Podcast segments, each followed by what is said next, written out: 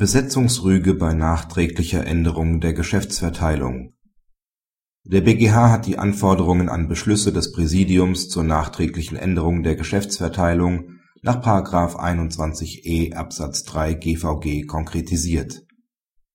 Der Revisionsführer hat sich mit der Besetzungsrüge dagegen gewandt dass das Präsidium des LG Hannover auf der Grundlage von § 21e Absatz 3 GVG eine Hilfsstrafkammer errichtet und an diese seine bereits anhängige Rechtssache von einer anderen Strafkammer übertragen hatte.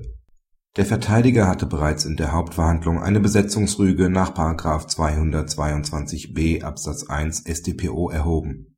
Diese war jedoch von der Kammer mit der Begründung zurückgewiesen worden es obliege allein dem Ermessen des Präsidiums, einen Fall der Überlastung festzustellen und daraufhin die Geschäftsverteilung zu ändern. Die Revision hatte vor dem BgH Erfolg. Zwar sei das Präsidium nach § 21e Absatz 3 GVG auch befugt, bei Überlastung der bestehenden Spruchkörper für eine begrenzte Zeit eine Hilfsstrafkammer einzurichten und an diese bereits anhängige Verfahren zu übertragen eine solche Maßnahme bringe aber erhebliche Gefahren im Hinblick auf die Gewährleistung des gesetzlichen Richters mit sich. Daher sei es zwingend geboten, die Gründe, die eine solche Entscheidung erfordern, zu dokumentieren, um dem Anschein einer willkürlichen Zuständigkeitsverschiebung entgegenzuwirken.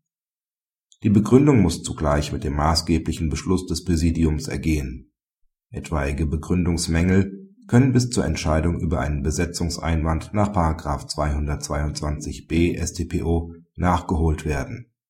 Im zu entscheidenden Fall hatte das Präsidium seine Anordnung indes überhaupt nicht begründet.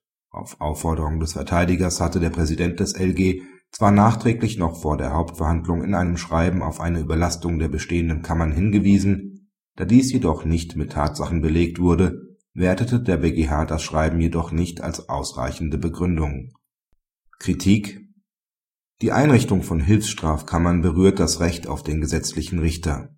Die Verfahrensbeteiligten müssen daher in die Lage versetzt werden, einen solchen Beschluss überprüfen zu lassen.